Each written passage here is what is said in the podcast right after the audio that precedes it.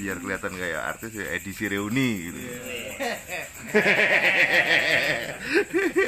reuni Wah keren banget malam ini. Ada Mas Daru seperti biasa, Mas Beki, Mas Doli Filamenta, ada Mas Beni Matamprit, ada Mas Ferry, Mas Ferry siapa yo? Ludianto, Ferry Ludianto. Ada juga Mas Ucok Huta Barat.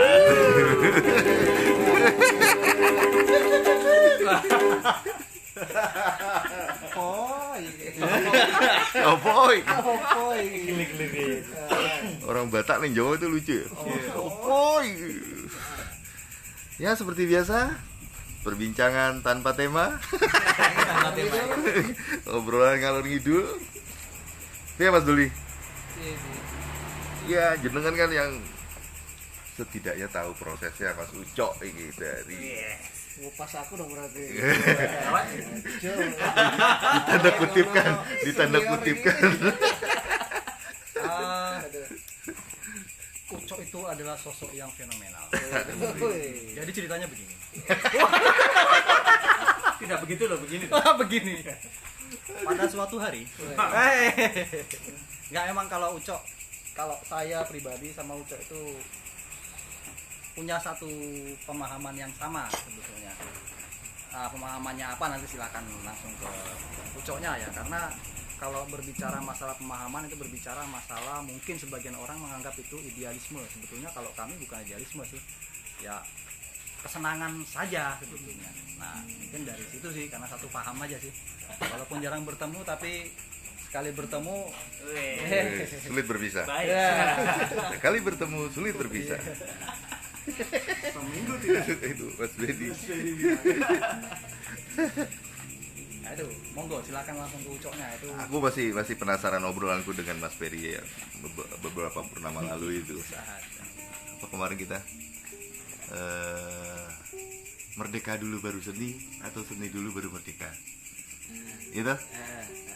Iya gitu ini aku jawabannya dia hari mas aku lali Karena nggak akan ditanya lagi, Mas.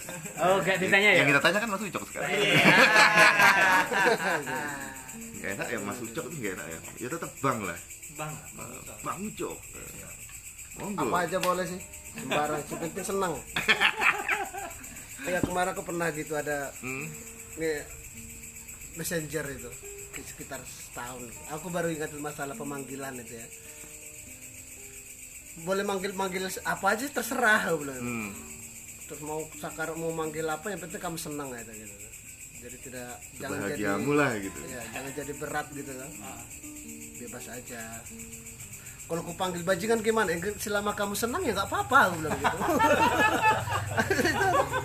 Kalau aku panggil bajingan gimana katanya? Ya terserah aku bilang gitu. Kamu senang nggak aku bilang gitu. Kalau kamu senang ya panggil nggak apa-apa, aku nggak apa-apa aku bilang gitu.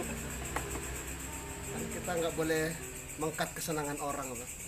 Oh, berarti gendit manggil kamu bajingan itu juga kayaknya Ya kayak karena gitu. itu kontennya itu. Oh, oke Iya. Iya. Apik ya. Iya. Tapi cinta ya mau Iya, panggilan penting kan memanggil tidak dengan kebencian kan ya. Dipanggil sayang tapi benci ya buat apa kan ya. Lagu dong. Kan banyak sekarang kan ya. Kayak baru maca kali lagi brand. Larai. Enggak, maksudnya itu adalah kebebasan seseorang. Oke. Balik kebebasan.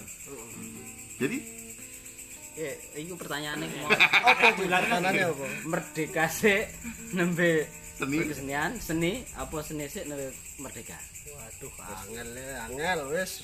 ID kudet awe Aku nggak siap ya show pertanyaan. nggak ada bocorannya juga. Ya. show ini memang jadi nggak slow. Nggak slow ini. tisu tisu tisu Oh iya. Apa ya? merdeka sih merdeka Iya ya. terus seni atau seni sih Terkadang seni itu bisa memerdekakan soalnya. oh gitu Ya, terkadang itu dua mata pisau itu yang nggak bisa dipisahkan itu. seni Sama kan halnya itu kalau misalnya sarjana dulu baru seni apa seni dulu seni yang sarjana kan gitu kan ada juga kan pertanyaan gitu kan. Seni yang sarjana apa sarjana yang seni? Kan kalau misalnya pertanyaan merdeka baru seni, seni dulu baru merdeka ya mumet juga itu. Pendidikan musik atau musik pendidikan? itu dia. iki bedanya apa disian ndok apa pitik apa pitik PT apa ndok? pitik ndok disi andi Kalau Bodoh mana ya? mandok, enggak enggak bodoh, enggak enggak enggak itu beda itu. enggak bodoh enggak enggak nah itu nggak bisa nggak bisa jawab secara kontekstualnya juga nggak bisa kayaknya karena terkadang orang bisa mengatakan dia merdeka setelah melakukan berkesenian kan itu. Nah itu kan wah kalau aku berkesenian aku merasakan sesuatu yang hal yang luar biasa. Apa ya BC ya susah. Mungkin ya. anu ya proses tahap ya. Maksudnya kalau di masyarakat umum kemudian masuk di dunia seni entah akademis atau eh, yang sifatnya masyarakat itu kan kadang seni kan bisa membebaskan juga dari konteks dia wah norma atau di satu lingkungan dengan apa eh, tradisi atau nilai seperti ini tapi ketika bersenian ini bisa merdeka. Nah setelah berproses berkesenian merdeka ternyata oh iya ya. Kudu nek aku kesenian kudu merdeka dulu Ya. ah mungkin ya mungkin. Bisa, bisa. oh iya aku udah eling ini aku yang jawab ini merdeka sih karena konteksnya proses ya kan iya Ah, proses ora merdeka ki rada bahaya ya. Rada bahaya. Iya, Bu, aku lagi. Aku eling. Iki mau tak bisa dikerucutkan lagi berarti ya. Hah? konteks merdekanya apa dulu nih merdeka, seni, merdeka. Iya. Ah. kemerdekaan apa yang sekarang yang mau di- dibahas ke arah mana Yo nek aku ini kayaknya yang jawab ngono kuwi. Sik. Baru Mergone seni. lek gawe kesenian iki kudu merdeka sik. Kudu bebas sik, membebaskan. Karena itu proses menuangkan apa ya? Menuangkan kegelisahan. Gelisah ya. Terus kemudian wis dadi kesenian, kesenian dinikmati wong merdeka meneh. Lah. double ya berarti ya Iya. Nah, iki hari iki tak tambahi kuwi. So mem- memperjelaskan secara akademis kita ini mas Donya eh ya mungkin Kemarin Bisa, itu bisa ya. kemarin itu kaitannya itu dengan eh, apa fakta bahwa Mas Ferry 8 tahun berhadapan dengan anak-anak. Kalau nggak salah deh. Iya, Bu. Oh, yang akhirnya apa. Proses di- jadi IO di juri. Dan kalau untuk me- me- mengarah ke keberkeseniannya memang secara khususnya memang harus merdeka nih aku pikir memang. Harus punya kemerdekaan kemerdekaan yang tidak bisa di, di, di- dikekang juga ya aku pikir. Biar dia bisa berekspresi se- seluas mungkin lah.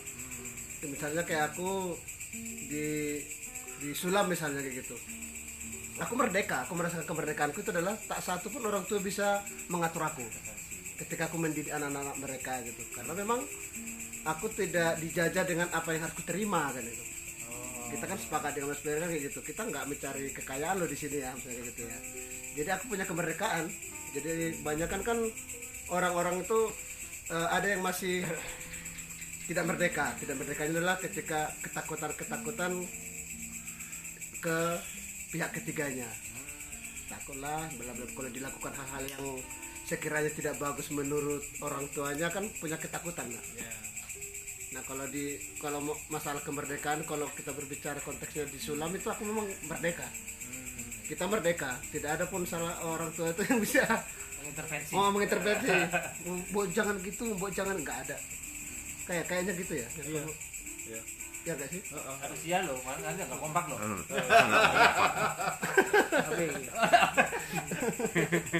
mungkin malam ini jadi momen ini KPK bubar kali ya. Jangan dong.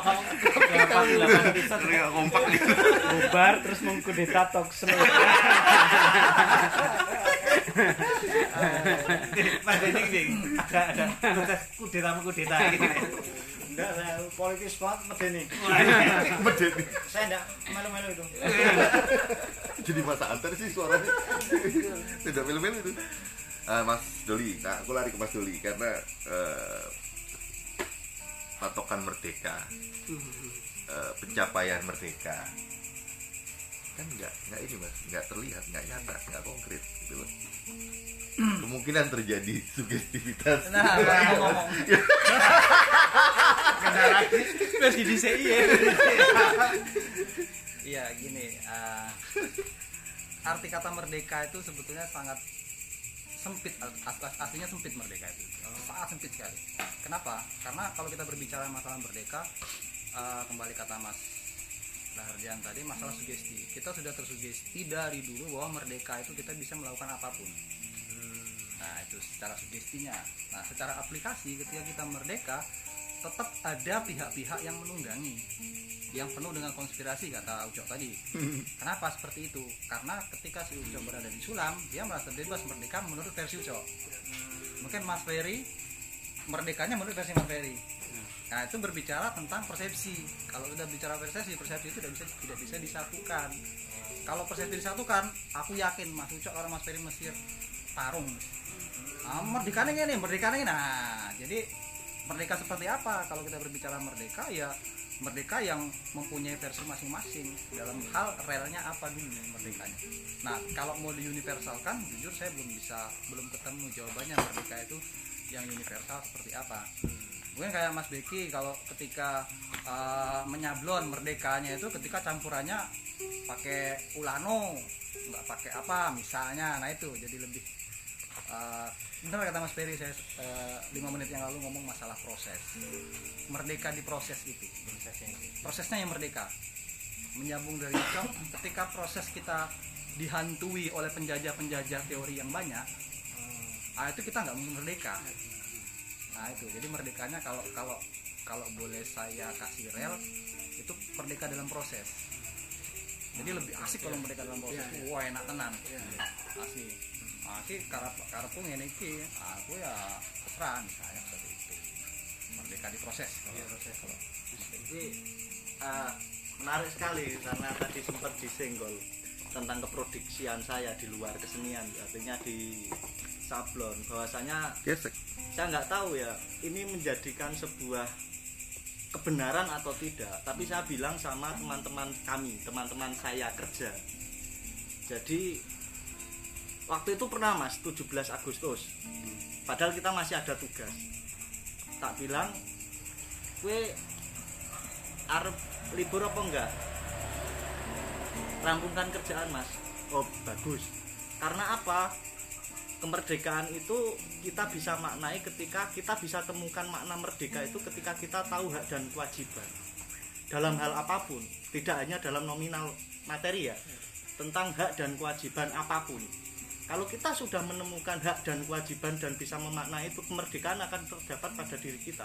Tak bilang seperti itu. Akhirnya tidak ada paksaan. Bener pada proses itu tadi. Ditelepon oh, pituasan kok kerja ngene ngene ngene. Biarkan kamu temuin kamu jelaskan. Tak bilang seperti itu.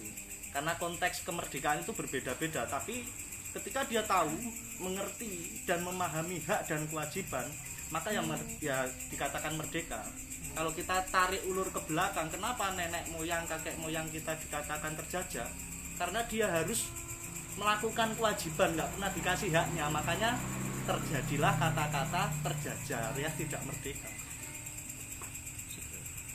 Seperti itu. Ini konteksnya tidak pada nominal saja uang atau apa saja tapi tugas-tugas yang lain rasanya kok kayak arep 17 Agustusan Tahu. Mei, Juni, Juli, Agustus. Oh, kita iya, menjelang. menjelang Menarik ketika tadi Mas Doli juga nggak sengaja menyebutkan proses sablon itu gitu. Terus kemudian dimanai dengan proses itu tadi pemaknaan proses itu Iya. tadi. aku aku sakjane ketika sulam dibuat aku banyak banyak sinau asli ini banyak sinau jadi objeknya otomatis ucok ya. Karena sulam diciptakan pertama kan musik. Objeknya ucok. Terus aku juga kemudian ada beberapa konco-konco yang tadinya nemani ucok dia menyodorkan sekian banyak buku-buku teori musik ya. Tapi dia enggak gelem mau kuwi. Enggak gelem apa enggak ngerti lah pokoknya yang ku amati dia enggak pakai itu. Nah rupane yo nek bentrok sering Mas Doni wah wis neng-nengan ya tahu neng-nengan padahal ruangannya kur beda sak kamar Saya kira ukur-ukuran. nah ini tahun dimana aku sama Oco beda rumah Sarajang ya? Iki nek neng-nengan ya rada bahaya iki. Nek aku mbatin neng-nengan ki rada bahaya iki karena beda ru beda rumah sekarang. Wah neng-nengan iso bablas iki. Piye carane mengelola. Tapi sing tak sinauni dari dari proses proses kelas itu justru oke banget. Jadi buku-buku sing mau kita aku sing nyekel. Sekalipun ora ora dong tokolan ki apa, munine apa, ngono ora dong.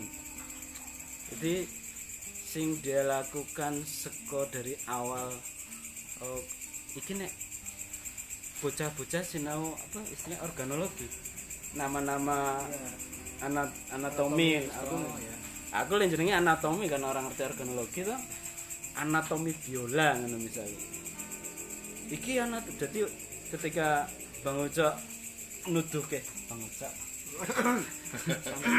nuduh ke neng anak-anak ini apa namanya? Ini apa ini apa? Terus didelik ke ayo yang itu namanya apa? Nah aku mengamati itu justru aku aku tanpa tanpa ngerti banyak eh, proses pembelajaran saja nih bang cok itu nek misalnya bocah-bocah dikon gambar to? Sehingga dengan proses menggambar kuwi karena anak ono empirik menggores. Jadi pelan-pelan sejelek apa pun gambarnya tapi secara anatomik ini lengkap ngono.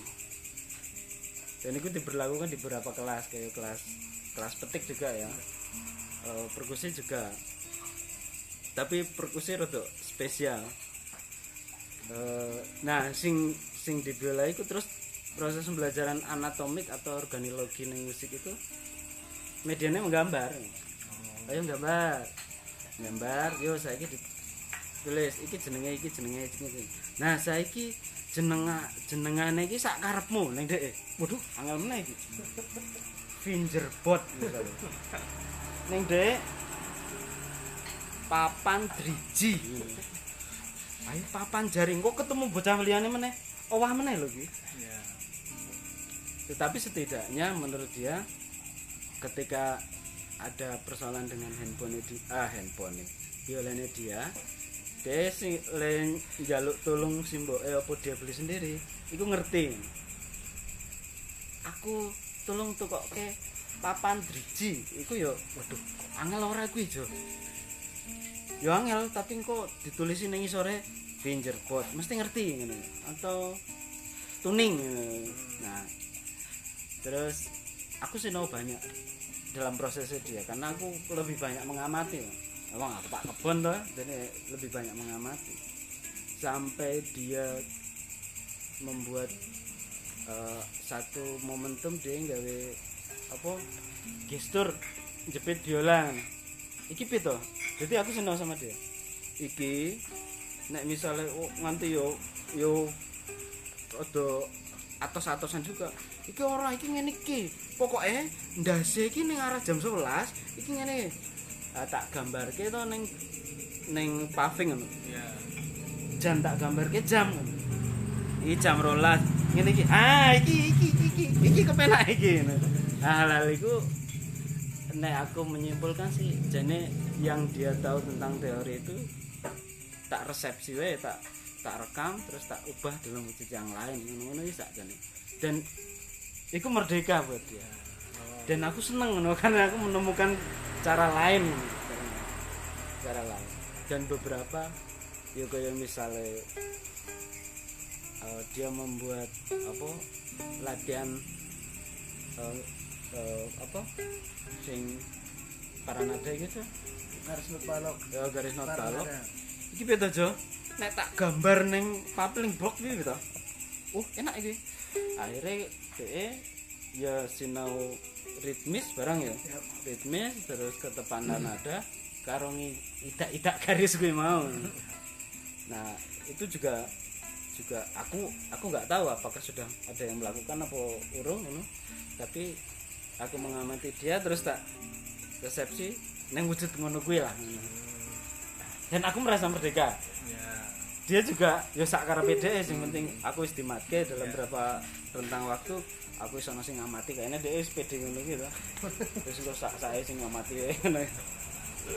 Nah itu buat kita ke ini merdeka.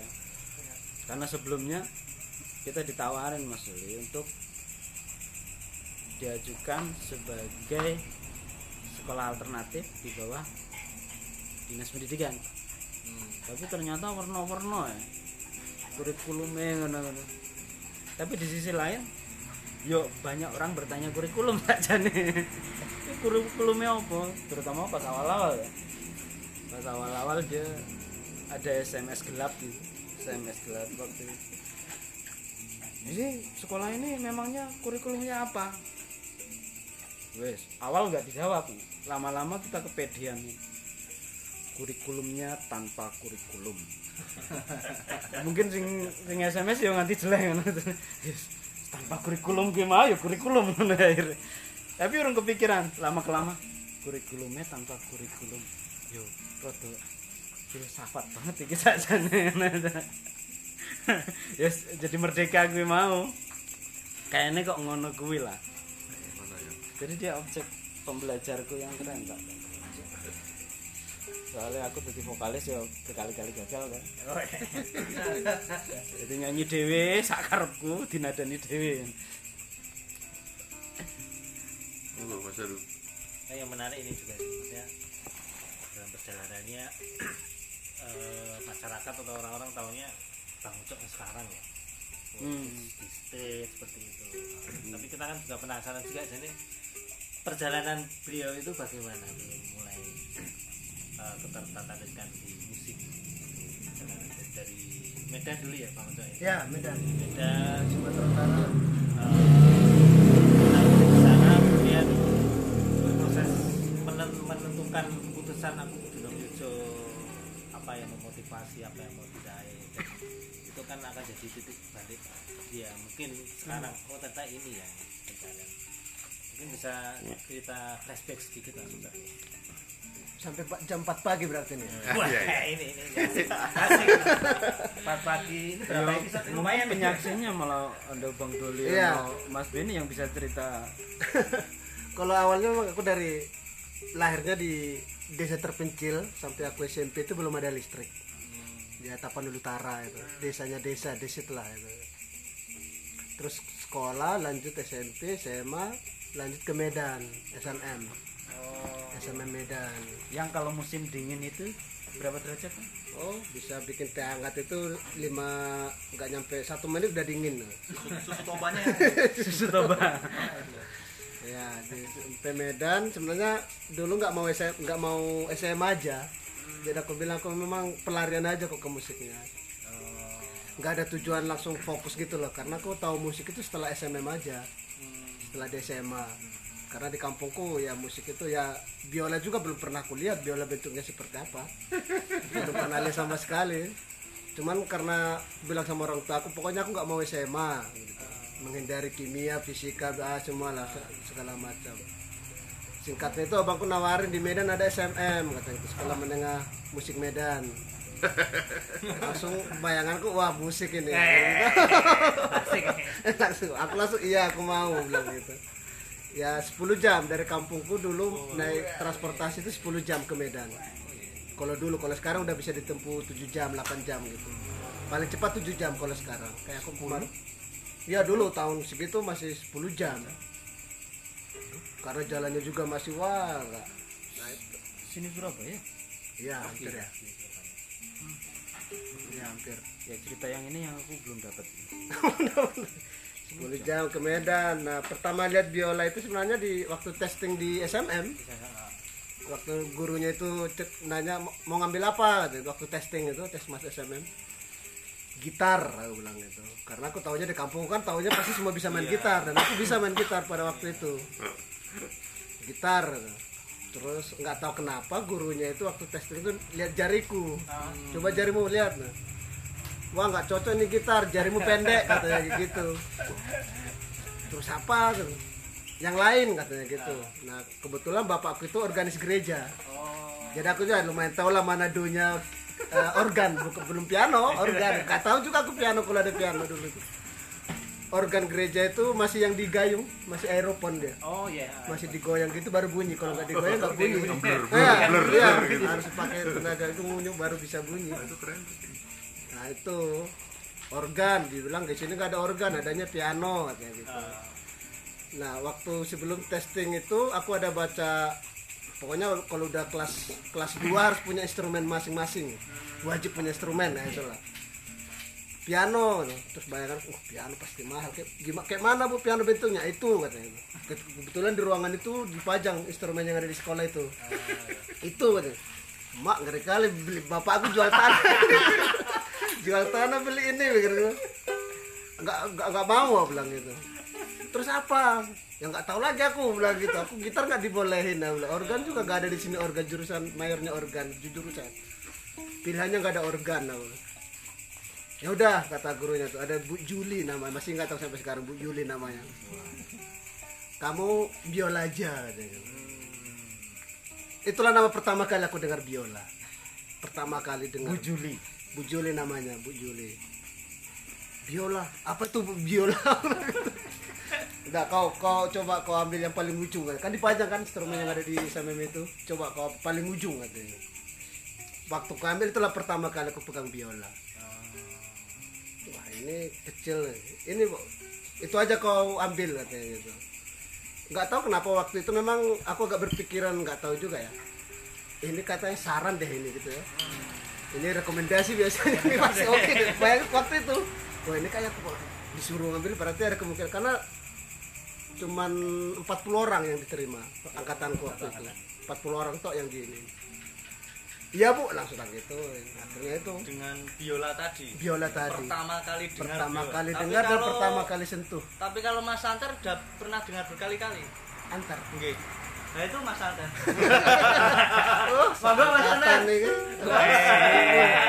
wah jenggotnya ngeri. Weh gadut kocok.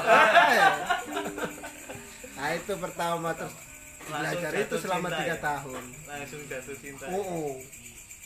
dan punya pengalaman ketika latihan di rumah diusir gitu dan sama ibu gitu. Berisik. Kelas 1 sampai kelas 2 itu. Kau latihan di sekolah aja jangan di rumah katanya gitu. Oh aku mau tidur siang katanya gitu. Berisik katanya kok kok kok gitu. Aduh. Jadi aku tuh terkadang ke sekolah SMA itu datang lebih awal pulang paling terakhir jadi datang pagi-pagi latihan dulu gitu long ton itu sekolah. Terus habis sekolah nggak langsung pulang. Latihan lagi di sekolah karena kan nggak bisa latihan di sekolah. Boleh gabung ini saya sudah divaksin loh. Wah. Termasuk angkatan nih. Saya sudah divaksin. Ini juga. Gayeng nih gayeng. Nah gitu juga vaksin sudah. udah kemarin JC Dia termasuk filmmaker soalnya. Dia filmmaker. bikin saya keputusan ini hmm. dari proses ini di apa di SMA Medan sana kan banyak juga juga ya keputusan ke Jogja itu memang jalur profesi atau profesionalisme mau yang diraih atau karena kita ini nong sesuatu atau apa gitu Ya, kalau di SMM Medan itu ada rumor isi itu keren gitu. Karena dulu juga ada pendahulu-pendahulu senior-senior itu yang sudah ada kuliah di isi gitu. Jadi kalau setiap tahun waktu aku kelas 2 ada yang datang ke sekolah senior-senior gitu tuh, wah dia menc- menceritakan tentang ya kampus isi itu, wah semua kita bercita-cita pengen ke situ, pengen ada di situ. Dan aku bersyukur ketika lulus lulus SMA, SMM itu lulus itu adalah aku punya rasa sombong punya rasa sombong kalau di sekolah aku angkatanku aku yang paling bagus main biola iya jadi akhirnya aku punya tekad bulat untuk berangkat berangkat sendiri sampai ya keluarga aku semua Berarti kamu kalau jalan gini aja. Hmm, dari dulu itu ada yang lumayan serem itu ada namanya Bang Kepler namanya itu. Dia sekarang di, di Bandung abang itu. Dia lumayan lumayan bagus lah Bang- abang itu waktu dia kelas 4, aku kelas 3 kan bareng lulus. Jadi aku kan angkatan pertama yang lulus kelas 3. Ah, jadi bareng lulus sama yang kelas 4. Jadi waktu lulus terus punya itu aku bilang tadi ternyata terkadang di satu waktu gitu kita harus punya rasa sombong ternyata. Kesombongan untuk membuat kita semakin optimis gitu loh. Gitu. Nah, ke diri masing-masing sampai aku aku bilang sama aku bilang sama orang tuaku aku harus ke Jogja bilang. wah orang tua aku stres itu. Aku anak terakhir cowok orang Batak kan nggak boleh pergi jauh-jauh. Itu stres itu. Terus semua nggak nggak ada yang ngizinin. Nggak ada yang ngizinin sampai aku nggak dibeli tiket. Terus aku bongkar tabunganku tuh beli tiket. Karena aku kelas 2 itu sudah ada di main di Jogja TVRI eh di di Medan ada program TVRI di Medan itu aku sekali sebulan udah main di situ jadi aku udah dapat uang. Dan itu aku tabung. Tabung sampai selama satu setengah tahun aku nabungnya. Terus aku bongkar celengan beli tiket sendiri berangkat ke Jogja. Dengan itu tadi aku tuh angkatanku paling top gitu. Beli tiket antar lintas Sumatera perjalanan tiga hari tiga malam ke kota yang belum pernah dicapai nggak ada saudara nggak ada siapa-siapa gitu dengan mo- bermodalkan kesombongan itu tadi Wah, pokoknya aku terima gitu. Sampai aku bilang abangku enam, adikku, eh, kakakku ada, kami ada tujuh, delapan bersaudara. Gak ada yang merestui. Sampai abangku dulu waktu merantau di, di Jakarta, dia cari formasi ke Jogja, terus dia bilang SMM itu ada di Jogja juga katanya. Dan yang SMM lulus mas testing ke isi itu juga belum tentu keterima loh katanya. Padahal secara informasinya mereka dekat gitu ya. Ilmunya lebih ab- abangku memang agak lumayan ini dia. Analisanya lumayan bagus pada tahun itu. Kau yang dari Medan ke sana nggak punya siapa-siapa nggak mungkin kamu keterima lagi. Ya udah langsung ada pencengkalan ini sih. Tapi abangku memang sudah dari ini merantau udah banyak lah di wawasannya gitu ya. Dicekal udah, dijengkal lah. Otakmu tuh segini nggak mungkin kamu keterima. Gitu dengan aku bilang tadi aku kesombongan keangkuhan tadi aku pasti keterima nggak mungkin nggak aku yang paling bagus main biola di Medan pada angkatanku bilang gitu nggak ada ya singkat ceritanya berangkat sini lihat di sini main biola aku pengen pulang. Kenapa ini? Kenapa ini? Kenapa ini? Iya. Waktu aku ke- datang ke Jogja ketemu sama senior namanya Agustinus Purba. Bang Agustinus jemput ke aku datang ke kos kosannya tuh kos kosannya emang ke Yudan terus bang aku mau ke isi ya bilang gitu. Ya udah besok mau lihat di isi nggak apa-apa gitu. Sore sore tuh abang itu Bang, aku betul aku juga mau latihan katanya mau ujian katanya. Oke bang ikut. Oh, lihat pertama kali main biola di lobby itu. Aku pengen apa-apaan ini tapi aku mau pulang bilang pulang itu. Ya aku dari sana bilang aku keyakinan aku udah 100% bahkan lebih. Terus pada lihat pertama siapa ya? Senior juga aku lihat pertama kan. Bang Batara. Oh Batara. Bang Batara aku pertama lihat dia latihan di lobby itu. Mana mak kayak gini main biola apa-apa aku mau pulang aku mau pulang. Oh, langsung ngedrop ngedrop saudara langsung dan langsung apa ya hilang semangat itu. Tuh. Ah, ketemu Jadi sama perbandingannya sama permainanmu Waduh. Karena di SMA Medan itu dulu kalau dia udah bisa memainkan konserto Amino Vivaldi itu udah keren. Jadi aku lulusnya itu ininya konserto Amino Vivaldi dan materi aku bawa ke sini juga itu. Terus konsultasi sama mungkin Bang Doli tahu Kak Rayana. Rayana konsultasi sama ada Kak Rayana senior juga dari Medan kuliah di sini. Kak aku materiku ini. Kak Rayana itu bilang gini, kalau materimu ini kamu pulang aja. Wah benar berarti. Soalnya benar aku bilang gitu. Iya terus gimana kak? Ya kalau itu materimu kamu pulang aja. Kalau enggak nunggu setahun katanya gitu kan. Dulu kan biasa kayak gitu. Nunggu setahun kamu belajar dulu, baru tesnya tahun depan. Cuman aku udah kemakan omongan di kampung, ya harus kuat lagi itu harus wah Gengsi dong. Oh, gengsinya itu akhirnya aku berubah bab materi pada sekitar dua setengah minggu merubah materi tesnya ke isi aku ngambil konserta minornya Bah. Coba. ah, Johann Sebastian Bach aku di- kakak itu ngasih kalau enggak ini kamu pelajari lu waktunya cuma dua setengah minggu loh kak. Aku, ya kalau nggak apa-apa pilihanmu kata kak Rayana. Kalau itu kau bawakan nggak apa-apa tapi kemungkinan keterima kecil katanya gitu kalau kau bawakan ini 50-50 deh katanya gitu Oh, berarti bah itu lumayan lumayan grade-nya sih grade-nya. Konser sama konser minor tapi grade-nya lumayan. Tingkat kesulitannya lumayan ini. Ya dua dua setengah minggu tidak melihat matahari aku waktu itu. Di kos di kamar. Betapa ini bertapa juga keluar mula nggak lihat matahari udah. Perjuangannya. Nah itu dari start startnya aku di biola itu ya di situ. Start pointnya itu. Dan lumayan mengesankan kalau diingat sekarang gitu ya perjuangannya ya. mengesankan sekali. Sampai lucunya satu semester itu orang tua aku nggak percaya kalau aku kuliah di ISI nggak percaya waktu aku diterima aku telepon ke kantor bapakku karena di rumahku belum ada telepon harus di kantornya karena bapakku kan kerja di rumah sakit gitu. Terus telepon kantornya. Bes- siangnya paginya keterima itu keluar jam 5 pagi itu keterima. Siangnya aku telepon Pak aku terima. Ke wartel. Dulu masih zamannya wartel. Ngerti lagi kan. wartel lagi. Lihat lihat ininya lagi. Udah berapa udah berapa sambil ngomong ngerasain lah ngerasain lah. Perpindahan teknologi itu ngerasain lah. Dari pager kayak gitu tuh. Oh udah seribu ya? Aku keterima. Bapaknya santai oh iya. Tapi nggak percaya. Sampai aku kirim SKS aja. Mau semester 2 itu kita kan dapat itu. IP Transfer, Nah, ya. transfer nilai baru oh ternyata kau kuliah katanya. Itu hal yang ya di kampung ya. Misalnya ab- abangku juga udah tahu posisi seperti apa di sini. Sampai abangku juga datang ke Jogja juga mau identifikasi itu. Ada SMM ada SMM ada isi dekatnya berapa meter berapa kilometer. Waktu dulu tuh ya.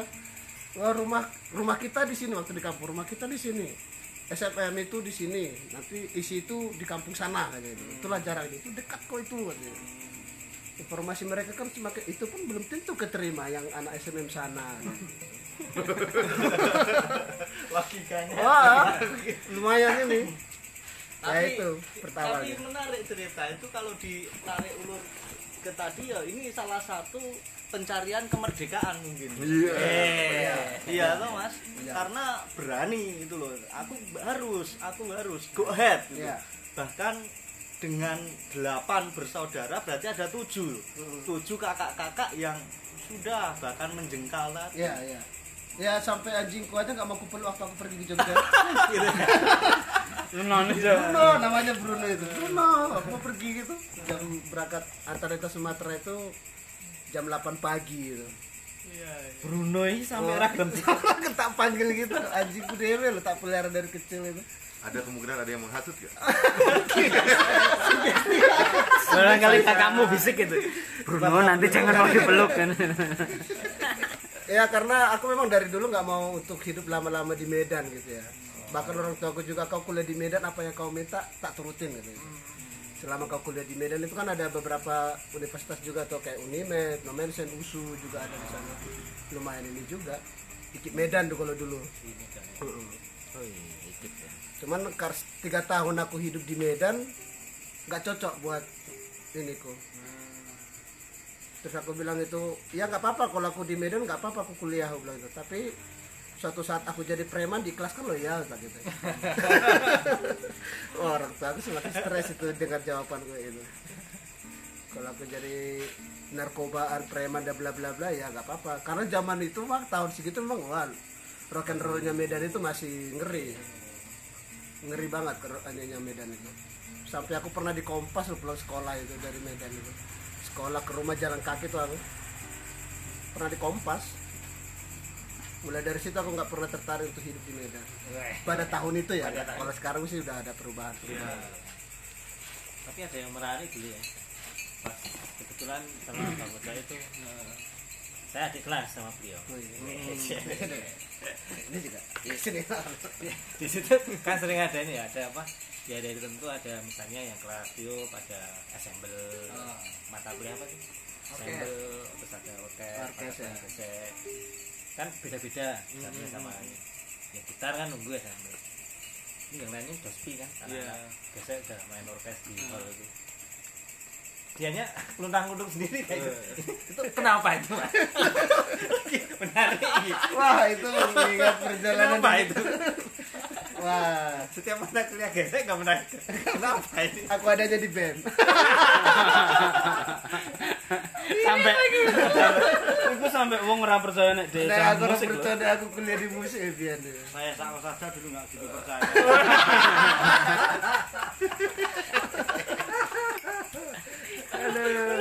berat Apa loh lu, mas itu maha- diisi dulu lintas jurusan tenan. Iya. Jurusan lain. Ikut kelompok bandnya kampus kan banyak banget tuh. Iya. Dari Lapen, Sri Rezeki, Congpi. Congpi. Apa-apa melu. Mungkin kelayunan mungkin.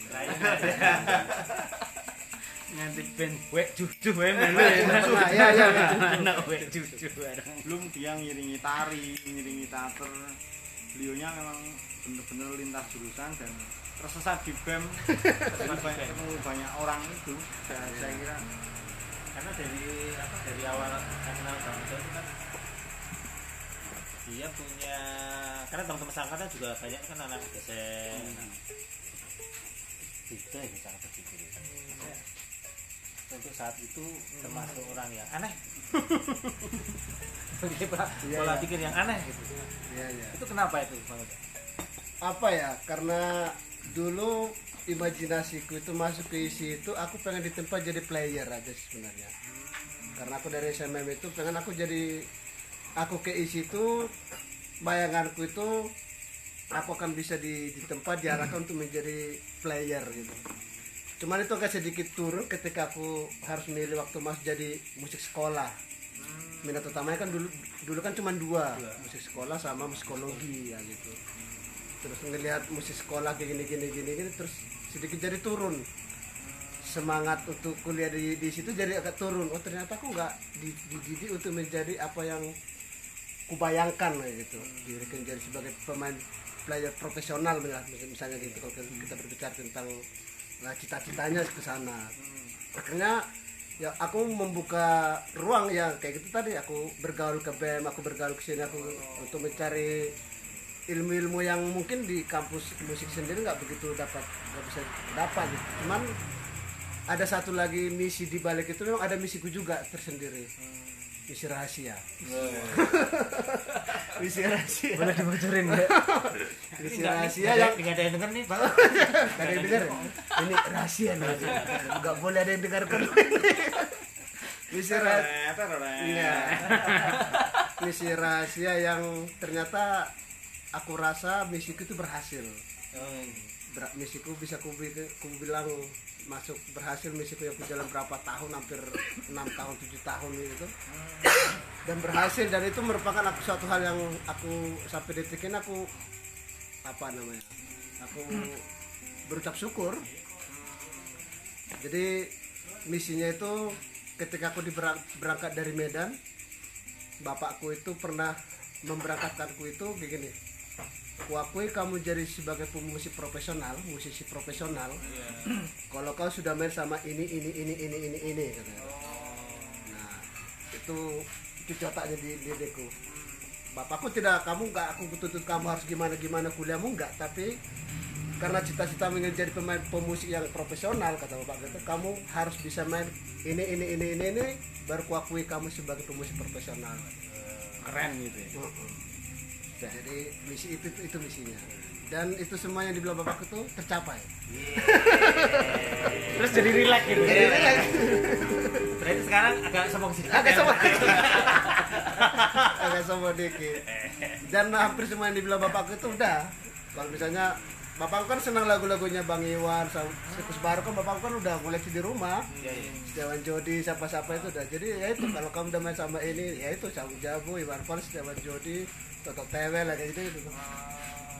aku diberangkatkan itu dari kampung bapakku. Tidak dituntut kamu harus ada ijazah itu enggak. Enggak dituntut makanya aku enggak begitu menyesal kalau aku pun enggak lulus gitu. Karena orang tahu gak menuntut ke sana menuntutnya karena aku selalu selama SMM itu aku bapakku nanya aku tuh pengen jadi pemusik profesional pak. Aku orang nggak mau mengajar aku nggak mau sebenarnya jadi guru dosen itu memang dari dulu aku udah aku bilang bapakku nggak mau. Aku nggak mau pegawai negeri aku bilang gitu. Walaupun orang Batak itu pegawai negeri satu hal yang luar biasa di kampung. Kalau bukan pegawai negeri bukan pekerjaan. Pegawai negeri kalau nggak pengacara. Oh iya. Oh pengacara. Ya itu profesi yang elegan ya. bagi orang kalangan orang Batak dulu. Ya sekitar 20 tahun yang lalu. Keren ya? Keren. Ya iya. Itulah dia masa dengan sampai capaian bang Ucok sekarang ini kan ya kita tahu lah siapa yang nggak kenal bang Ucok. Sekarang Itu dia. maksudnya dilihat dari kebetulan pernah apa eh, melihat proses bareng maksudnya dalam di mulai merintis apa diisi sampai di tujuh tahun terakhir. Nih ya, gitu wah ya kadang kalau kantorku ya mau kayak gini kantorku pilihan boleh tau itu ya? Nah aku nih status Facebook? Ini konco aku lho. Wis tau ngeminong teteh bareng lah.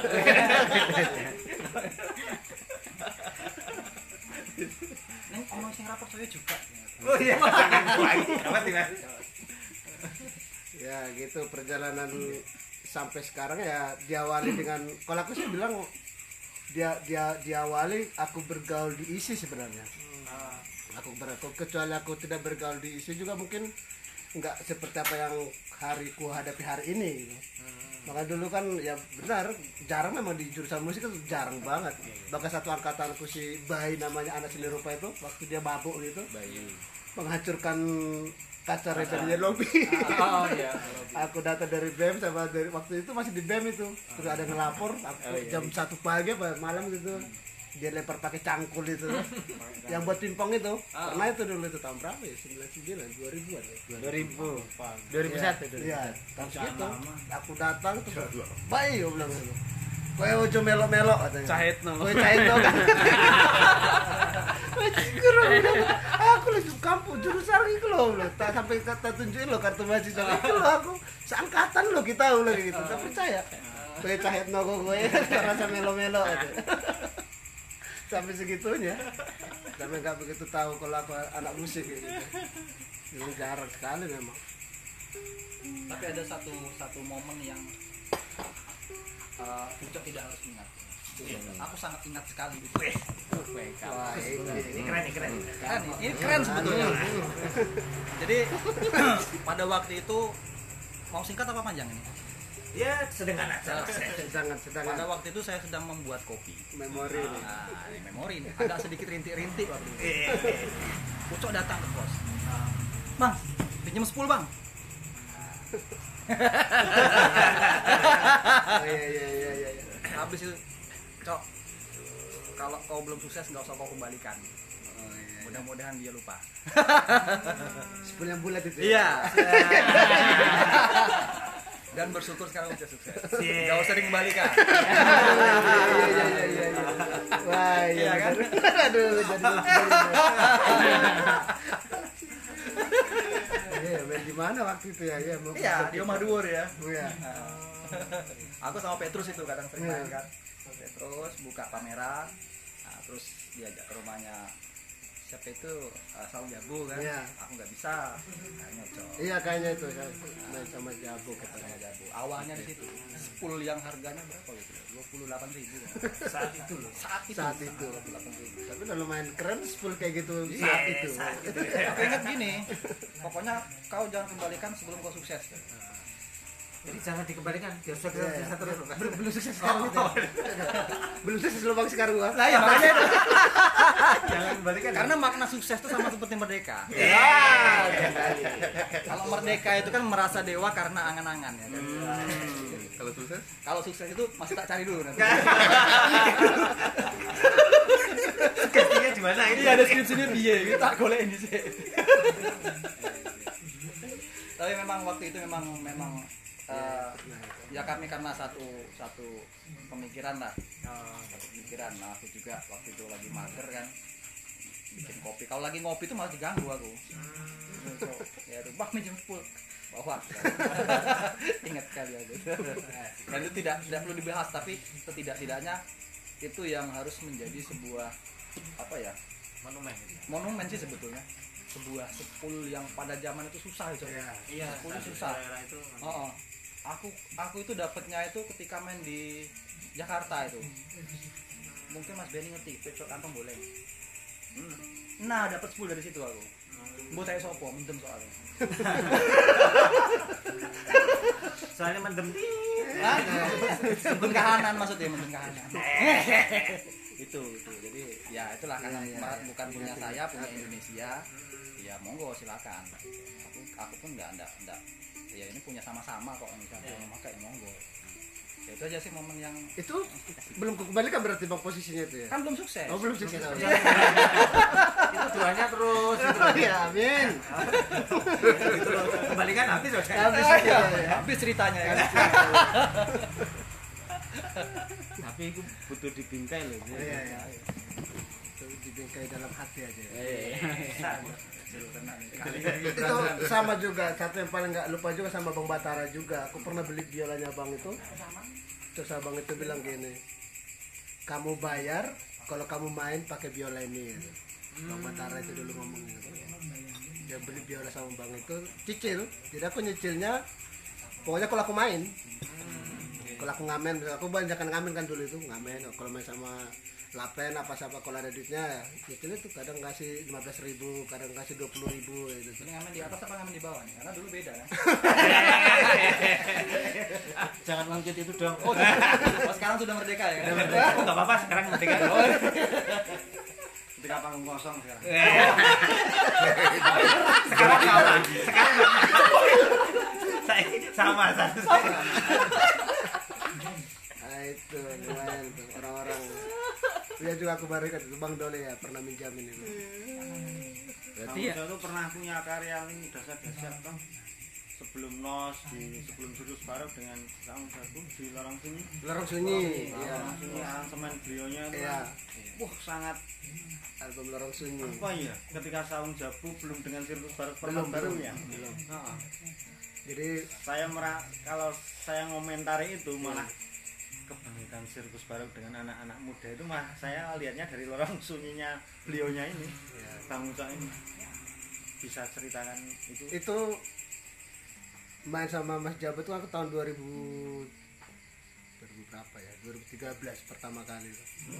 12 iya 2013 jadi udah main ada berapa album? Gong Doli Gong ada terus Mas Jabu Australia nelpon aku mau bikin album kata Mas Jabu oh ya Mas ya siapkan pasukan ya katanya gitu oke Mas ya Mas oh, berarti pas Sulam baru berdiri itu kamu main pertama 2013 sebelum 2013 jauh oh 2003 2003 berarti 2003 ya Jo Pak Jo tambah satu ah nggak apa-apa Iya 2003 berarti ya 2003 2003 2004 berarti itu.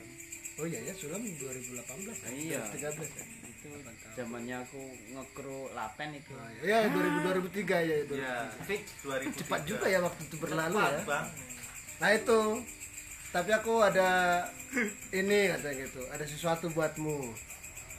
Kamu yang aransemen stringnya katanya gitu. Karena itu akustik cuman string string quartet sama gitar akustik. Album lorong sunyi album lorong sunyi. Kaget tuh pokoknya nggak boleh nolak kata Mas Jabo. Nah itu pertama kali tawar tantangan untuk berekspresi itu ya. Nah, aku bilang situ berekspresi untuk membuat ya SMP SMA aku udah tau lah namanya beliau udah terus sama sama Mas Jabo itu kan ketakutan tidak sempurna kan. Tak ada yang sempurna Nah kita ngomong aransemen itu album memasuki lorong sunyinya Mas Jabo dan itu sangat wah banyak hal yang cerita-cerita yang yang lucu itu album lorong sunyi. Dari 12 12 lagu tuh Mas ya. banyak lupa saya Iya 12 lagu. Ada satu lagu itu aku ditolak mengaransemen itu sampai 8 kali. Satu lagu? Ah, judulnya apa yang memasuki lorong sunyi itu. oh masukin larang sunyi. Iya yang jadi apanya lagu itu. Ditolak. Besok lagi rubah lagi enggak belum belum katanya belum. Belum maunya lagu katanya. Kalau Mas Jabut kan suka bilang bukan apa mau kita tapi lagu itu maunya apa itu Iya. kalau apanya Mas Jabut kan kayak gitu kalau berproses kreatif. Jangan maumu tapi lagu itu maunya apa? Jadi kamu harus benar-benar harus ada di dalamnya gitu. Sampai 8, 8 kali. Latihan hari ini pulang nggak belum. Besok lagi sampai sebulan itu prosesnya. Itu kayak gitu terus hanya di satu lagu satu lagu itu aku aku berhenti di situ. Terus Mas Jawa itu bilang memasuki lorong sunyi kalau aku bisa bilang Mas Jawa yang bilang ini. Ini lagu tapi ya mudah-mudahan enggak. Ini laguku kalau aku mati katanya ini lagu yang kalau kita sendiri memasuki lorong sunyi itu. Tak ada yang menemani kesepian dalam sepi ya. itu liriknya di situ ada ini. Eh, aku udah kan udah udah nyerah. Aku nyerah mas aku bilang gitu. pokoknya mentok aku bilang. Terus Mas Jawa itu bilang ini lagu untuk mati gede ini terus singkatnya dia bilang kamu udah pernah lihat muslim dikuburkan nggak? Nggak pernah aku bilang gitu. terus Mas Jawa cerita tentang proses pemakamannya orang muslim. Baru Mas dari Mas Jawa aku tahu itu gimana muslim dimakamkan pertama kali seumur hidup dari macam. Muslim itu dikali kubur dikapani dikali kubur terus di dalam kubur bukan kayak Kristen loh. Kalau Kristen kan dipeti langsung jadi gitu. Kalau muslim itu enggak. Gali kubur nah, ada lagi nanti lorong lagi tuh ke samping katanya gitu. Terus dikasih papan gini gini gitu udah bisa udah tahu aja tahu. Nah sekarang kamu pulang nanti habis ini nanti kan latihannya kan biasanya kan jam 9 sampai jam 5 karena pulang baru jam 7 malam. Nanti kamu pulang ke kos kamu praktekin jadi benar aku kosnya di Bu Susi di Mangunan aku aku lakukan di situ. Bayangin aku diem bayangkan aku mati nih. Lampu kamar tak mati kan aku mati nih. Berarti aku dikapanin. Pokoknya jalan ceritanya aku imajinasiin terus. Wuh sampai aku dikubur. Terus liriknya aku pahami bedah liriknya. Sendiri tak ada yang menemani di lorong sunyi habis itu selesai baru mengaransemen aransemen manual lagi manual dulu terus habis itu ke Sibelius. Untuk di print kan. Baru itu besok paginya datang itu pun aku kena hukum sama Mas Jabo. Karena aku ngeprint di depan kampus isi jalan Oh, iya. ngeprint tau aku bangun jam 8 ngeprint jam setengah sembilan ngeprint. Terus ternyata yang biasa aku ngeprint itu tutup. Terus akhirnya di belakang sini rupa ini yang ada. Tapi printernya yang lama. Waduh aku telat ini mati aku. itu dan aku telat 5 menit. Masih joglo jam 8 pas itu kayaknya tuh. Jam 9 pas aku joglo masuk buka gerbang parkir jalan ke pendopo 5 menit lah. Dan di situ pelajaran yang penting sama Jawa aku dapat. Selama itu dari sore aku nggak dicakapin. Padahal aku ada Ijul ada tuh Jul ntar bilang sama Uco yang bagian ini dirubah. Padahal aku di sampingnya Wah, padahal aku telat itu untuk kebutuhan ngeprint untuk latihan itu. Dan itu pun Mas Jawa nggak mau terima. Kamu telat ya telat ya gitu. pelajaran-pelajaran kayak gitu. Sampai dapat pelajaran yang sangat penting ya kalau namanya telat itu ya telat apa pun itu urusan. Kau bilang itu urusanmu kalau Mas Jawa bilang kayak gitu. Bukan urusanku bukan urusan bergrup. Gimana caranya kamu nggak telat? Berapa hari kemudian aku beli printer? Nggak telat itu lumayan pelajaran